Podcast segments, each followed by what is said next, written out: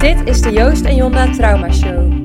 De podcast over psychotrauma, de gevolgen en de behandeling. Ik wist echt niet wat me gebeurde. Steeds vaker vielen mijn benen uit. Allerlei onderzoek, maar ze konden niks vinden. Uiteindelijk zeiden ze dat het zolk was en moest ik naar de psycholoog. Daar bleek dat het kwam door mijn trauma's. Veel mensen met een posttraumatische stressstoornis hebben last van verschillende lichamelijke klachten. Dit kunnen pijnklachten zijn, epileptische insulten, darmklachten, spierklachten en diverse andere klachten. En wat blijkt? De dokter kan niks vinden. We spreken dan van solk of psychosomatiek. Voor de Joost en Jonda Trauma Show spreken wij met Tanneke Lunter, psychiater bij Eikenboom, onderdeel van Altrecht en gespecialiseerd in psychosomatiek. Nou, goedemorgen. We, daar zitten we weer op de vroege zaterdagochtend. Ja. Welkom, Stanneke. Dank. Fijn dat je eh, geïnterviewd wil worden voor onze podcast. Eh, heel veel mensen die wij behandelen voor psychotrauma, is onze ervaring, hebben last van eh, lichamelijke klachten. Vaak kunnen de lichamelijke klachten eh, niet goed verklaard worden na heel veel onderzoeken. Nou, we noemen dat dan formatisch onvoldoende verklaarde lichamelijke klachten, ook wel SOLK genoemd. En aan jou de eerste vraag, wat is SOLK eigenlijk? Ja, SOLK is eigenlijk een eh, verzamelnaam voor allerlei vormen van lichamelijke klachten, waarin ook andere factoren dan eh, alleen maar puur lichamelijke afwijkingen of aandoeningen een rol spelen. Dat kan zijn dat iemand wel degelijk een lichamelijke aandoening heeft, maar dat er factoren zijn die die klachten veel sterker maken dan bij iemand anders met dezelfde aandoening. Dus iemand kan bijvoorbeeld suikerziekte hebben, hè, dat komt heel veel voor. Maar sommige mensen met suikerziekte hebben daar veel meer last van, veel meer beperkingen van dan anderen. Kan ook zijn bij chronische pijn of bij eh, vermoeidheid, dat er meerdere factoren een rol spelen. En het lichamelijk onverklaard zijn, dat is een term die eigenlijk nog gebruikt werd omdat aanvankelijk we helemaal geen idee hadden hoe het nou kon dat andere factoren daar ook van invloed op waren. Want we hebben altijd eigenlijk gedacht, het is heel duidelijk, je hebt een lichamelijke afwijking of aandoening en daar horen precies die klachten bij en dus die beperkingen. Maar dat er zoveel verschil is tussen de ene persoon met die aandoening en de andere, dat de een veel meer klachten heeft dan de ander, dat konden we niet verklaren en dat werd dus SOLK genoemd, somatisch onvoldoende verklaard. Maar inmiddels weten we dat de pijncentra in de hersenen en de centra in de hersenen die betrokken zijn bij je energieregulatie, maar ook bij het regelen van uh, bijvoorbeeld je temperatuur, je lichaamstemperatuur of je concentratievermogen. Dat wordt allemaal beïnvloed door veel meer dan alleen maar wat je aan lichamelijke aandoening hebt. Als je heel erg gestrest bent, dan kun je eigenlijk een aantal functies even on hold zetten. Dat je zegt van nou, ik ben nu even met mijn energie ergens anders. En daarna dat weer inhalen. Maar als je heel lang gestrest bent, dan raken allerlei regelmechanismen in de hersenen uitgeput. En krijg je steeds meer klachten. Oké, dus solk is eigenlijk, wat jij zegt, een beetje de ouderwetse term. Ja, we praten tegenwoordig steeds meer van aanhoudende lichamelijke klachten. Daar zijn we ook mee bezig om te kijken of die term landelijk meer bekend kan worden. Omdat dat meer recht doet aan de mensen die dat soort klachten hebben. Want de term solk heeft voor steeds meer mensen toch een beetje de lading, het is eigenlijk psychisch. Mensen zeggen ook vaak, dan voel ik me niet serieus genomen, want ik voel dat ik pijn heb of ik voel dat mijn lichaam uitgeput is. En dan wordt er gezegd, het is solk en ga maar naar de psycholoog. Maar ik voel toch dat er in mijn lichaam echt iets aan de hand is. En dat is ook zo. Want wat zeg jij dan als mensen zeggen van, uh, zeg jij nou dat het psychisch is? Nee, ik zeg dat het psychosomatisch is, dat het iets is waarin lichaam en geest en omstandigheden allemaal een rol spelen. En het grappige is dat ik vind dat dat geldt van een gebroken been tot aan vermoeidheid waarbij geen enkele lichamelijke afwijking uh, gevonden wordt, ook niet bij uitgebreid onderzoek. Want bij een gebroken been, ik weet niet of jullie dat herkennen, maar het ene moment ben ik veel meer geneigd om te struikelen dan het andere. Ja. En als ik met mijn gebroken been stil kom te zitten, kijk, of dat been wel of niet gebroken is, dat is heel duidelijk. Dat kan je op een foto zien. Maar als ik stil kom te zitten, of ik dan denk, oh, een beetje aanpassen, ja, het is balen, maar het herstelt wel weer. Of dat ik daar een half jaar volledig door gevloerd ben, uh, er ook somber van word, bezig ga met allerlei narigheid die ik eerder heb meegemaakt, of mezelf niks meer waard vind. Dat zijn allemaal factoren die kunnen maken dat ik veel meer last van dat gebroken been heb, dan als ik gewoon lastig gebroken been er praktisch mee om kan gaan. Dus ook dan zie ik invloed van wat je denkt, wat je voelt, wie je bent, hoe je met spanning omgaat. En naar mijn idee zou eigenlijk iedere klacht die iemand heeft, zou bio, psycho, sociaal bekeken moeten worden. Wat is er biologisch, dus puur lichamelijk? Wat speelt er psychologisch, hè? zowel steunend als het extra moeilijk makend? Wat speelt er sociaal? Eigenlijk is dat wel mooi, want dat is in wezen ook een manier waarop we steeds meer naar trauma kijken. Hè? Dat trauma niet alleen tussen de oren zit, maar dat trauma ook lichamelijk is opgeslagen. Nou. En dan ben ik dus ook meteen benieuwd van hoe zie jij de relatie tussen trauma, posttraumatische stressstoornis en dit soort ja, fysieke klachten? Gelukkig weten we daar ook steeds meer van. Helaas zijn we nog niet zover dat we kunnen eh, zeggen iemand met nare ervaringen in het verleden die lichamelijke klachten heeft, dan kunnen we aanwijzen in het lichaam of in de hersenen wat er dan mis is. Zover zijn we nog niet. En dat vind ik heel jammer, ook omdat dat voor mensen erkenning zou zijn van hé, hey, wat ik voel, dat is echt. Want als er geen afwijking of aandoening gevonden wordt, hebben heel veel mensen het gevoel, dan stel ik me dus aan, of dan is het er niet echt. En dat doet een schepje bovenop het probleem dat iemand toch al heeft, omdat hij nare ervaringen heeft en omdat hij klachten heeft. Krijg je daar bovenop ook nog eens zoiets van, ik moet niet zeuren, maar gewoon doorgaan. Wat we zien is dat bij ingrijpende ervaringen en zeker bij langer durende vormen van spanning, dat het immuunsysteem, de verwerking in de pijncentra in de hersenen van allerlei prikkels, allerlei hersenfuncties, dat die onder druk komen te staan. En dat dat op lange termijn een grotere gevoeligheid geeft voor klachten. Dus iemand loopt al jaren op zijn tenen, redt zich daarmee, maar bouwt wel een bepaalde mate van spanning op.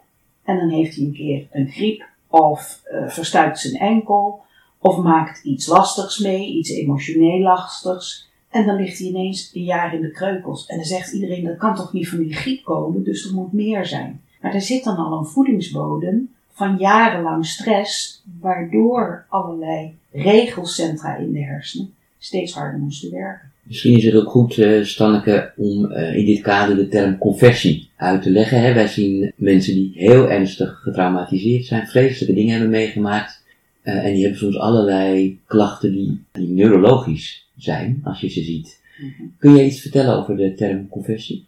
Ja, zeker. We noemen dat tegenwoordig steeds vaker een functioneel neurologische symptoomstoornis. Wat eigenlijk zoveel wil zeggen is dat het inderdaad uh, neurologische klachten zijn. Dus spieren en zenuwen uh, die het niet goed lijken te doen, of lichaamsfuncties die aangestuurd worden door spieren en zenuwen, maar die op de een of andere manier haperen, maar waar de neuroloog in de spieren en zenuwen zelf geen afwijking kan vinden. Dus de spieren en de zenuwen zijn niet verstoord, maar de functie van het lichaam is verstoord. En dat, wordt, dat zijn ook weer van die regelmechanismen vanuit de hersenen. En het is super zuur voor mensen om te merken dat ze hun arm niet goed meer kunnen aansturen of hun been of dat ze allerlei onwillekeurige bewegingen hebben.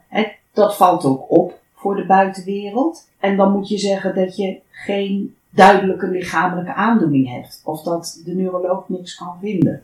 Bij uh, de mensen met conversie weten we dat bij ongeveer 70% traumatische ervaringen in de achtergrond spelen. En voor mij is dat een link met langdurig op je tenen lopen. Hè? Bijvoorbeeld door het omgaan of het, met moeilijke ervaringen of het wegwerken van de herinnering daaraan. Proberen te zorgen dat je per dag alleen al veiligheid voor jezelf vindt. Dat is een manier van op je tenen lopen die uiteindelijk kan maken dat die regelcentra in de hersenen van slag raken.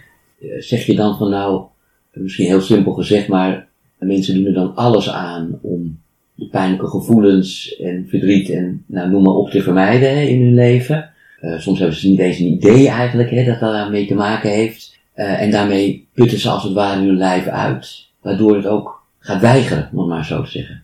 Ja. En dat zijn ook vaak mensen, in mijn ervaring, die ook extra geschokt zijn dat ze in een rolstoel terechtkomen. Juist omdat ze zo keihard altijd maar doorgebeund hebben. Hè?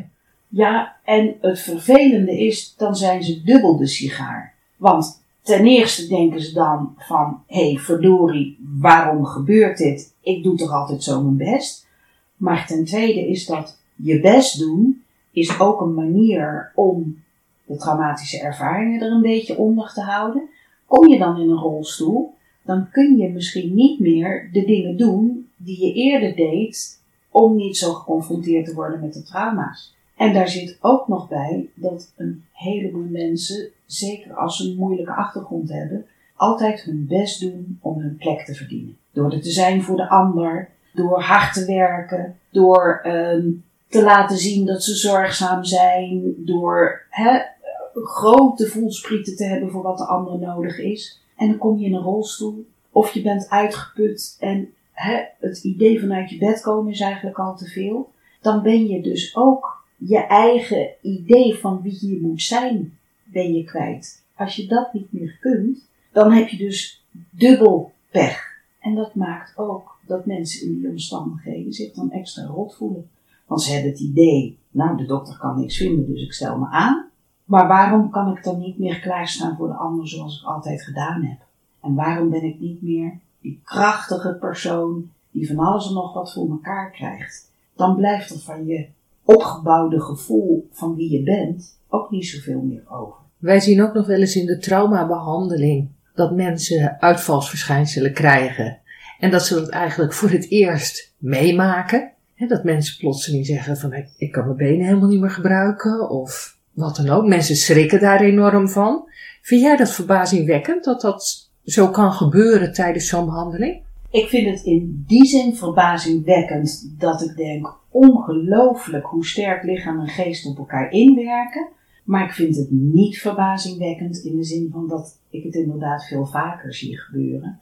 En ik zie dat als een soort van op tilt gaan van het lijf als het helemaal overweldigd wordt door hele intense ervaringen. En de meeste mensen kennen wel dat ze bij moeilijke ervaringen in een vecht- of vluchtstand komen.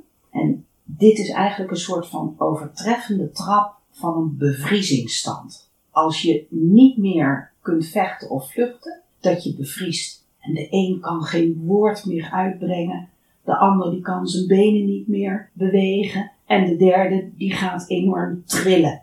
Dat zijn allemaal vormen van conversie of van zo'n neurologische functiestoornis. Soms wordt er ook wel eens gezegd van tijdens een behandeling waarbij mensen dat soort functiestoornissen ontwikkelen, waarbij mensen soms zelf uitermate ja, geschokt en verbaasd zijn, dat hun ledematen het niet ineens niet meer doen, dat het ook wel kan gaan op een, om, en dat klinkt misschien wat zweverig, maar om energie die in het lichaam is opgeslagen, die niet vrij kan komen. En tijdens de behandeling wel vrijkomt. Hoe zie jij dat? Ja, ik vind dat een hele mooie. Sowieso herken ik wat je zegt, hè, dat het voor mensen enorm schrikken is als je ineens je lichaam niet meer aan kunt sturen. Of als het gaat trillen terwijl je denkt, hé, hey, maar ik heb het helemaal niet koud. Wat doet dat lichaam nou? Want we zijn allemaal een beetje gewend dat wij kunnen aansturen of we nu een kopje optillen of uh, dat we rustig op onze stoel blijven zitten. Um, dus dat dat schrikken is, dat vind ik hartstikke logisch. En die opgeslagen energie, dat zie ik als dat je in een bevriezingstoestand. Ik merk dat ik het ter plekke zit te doen. He, dat ik mijn hele lijf strak zet en al mijn spieren vastzet. En dat als je dat een tijdje doet en je laat het dan weer een klein beetje los, dat dat ook met trillen gepaard gaat of met een gevoel van verkramping, vind ik super logisch. En wat doe je tijdens een traumabehandeling?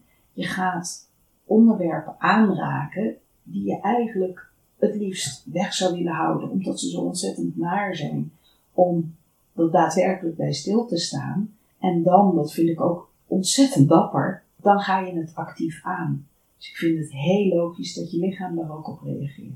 Als mensen nou last hebben hè, van uh, en door dit soort lichamelijke klachten en een posttraumatische stressstoornis, wat behandel je dan eerst? Ja, dat is een hele mooie vraag. Um, soms kom je er, en dat zeiden jullie net ook, pas achter dat dat lichaam ook zo sterk reageert tijdens de traumabehandeling. Als iemand het kan snappen wat er gebeurt en het is enigszins te doen, dan zou ik zeggen, ga door met die traumabehandeling. Want als je eigenlijk al het deksel van uh, de doos van Pandora hebt afgehaald, dan is die er vaak ook heel moeilijk weer op te krijgen. Nee, dus uh, dan, dan is iemand al in contact met allerlei moeilijke gebeurtenissen. Dan is het eerst even wegstoppen, want we gaan met die lichamelijke klachten aan de slag. Dat is eigenlijk geen optie. Maar als iemand al dit soort klachten heeft, conversieklachten heeft en nog niet actief met de traumatische ervaringen bezig is, dan denk ik dat het goed is om eerst te kijken of die kan gaan herkennen, kan leren herkennen hoe die spanning ophoudt in zijn lichaam. Dus of je kunt verdragen om stil te staan in het hier en nu bij hé, wat gebeurt er nou?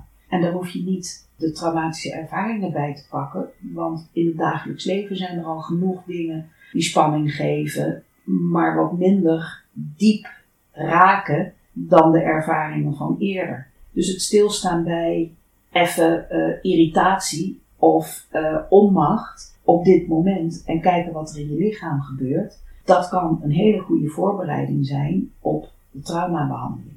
Dus eigenlijk ja, je eigen lijf leren herkennen met de signalen die het afgeeft. Precies. We weten vaak wel dat er bepaalde gevoelens op kunnen komen die alarm, alarm roepen hè, die te maken hebben met nare ervaringen. Soms weten we ook welke gedachten dat kan triggeren. Maar meestal zijn mensen zich minder bewust van wat er aan lichaamssignalen is. En als je veel nare ervaringen hebt, en zeker als die in je kindertijd of in je puberteit hebben plaatsgevonden, dan heb je vaak ook geleerd om die te onderdrukken, om je er niks van aan te trekken. Want je moest op dat moment in de overleefstand. Dus dan is het des te lastiger om weer te gaan beseffen: hé, hey, als, als ik gespannen ben, dan gaat mijn hart sneller slaan of dan span ik mijn spieren aan. Oh, maar dat kan ook wel weer minder worden. Dus dat je je lichaam en je lichaamssignalen ook een beetje als raadgever kunt gaan zien. Hé, hey, nu loopt de spanning op. Misschien moet ik even kijken hoe ik hem wat kan laten zakken voordat ik verder ga met een moeilijk onderwerp. Zie jij daarin dan ook een rol weggelegd voor meer lichaamsgerichte therapievormen? Dat vind ik het allermooiste als je zeker in traumabehandeling het combineert.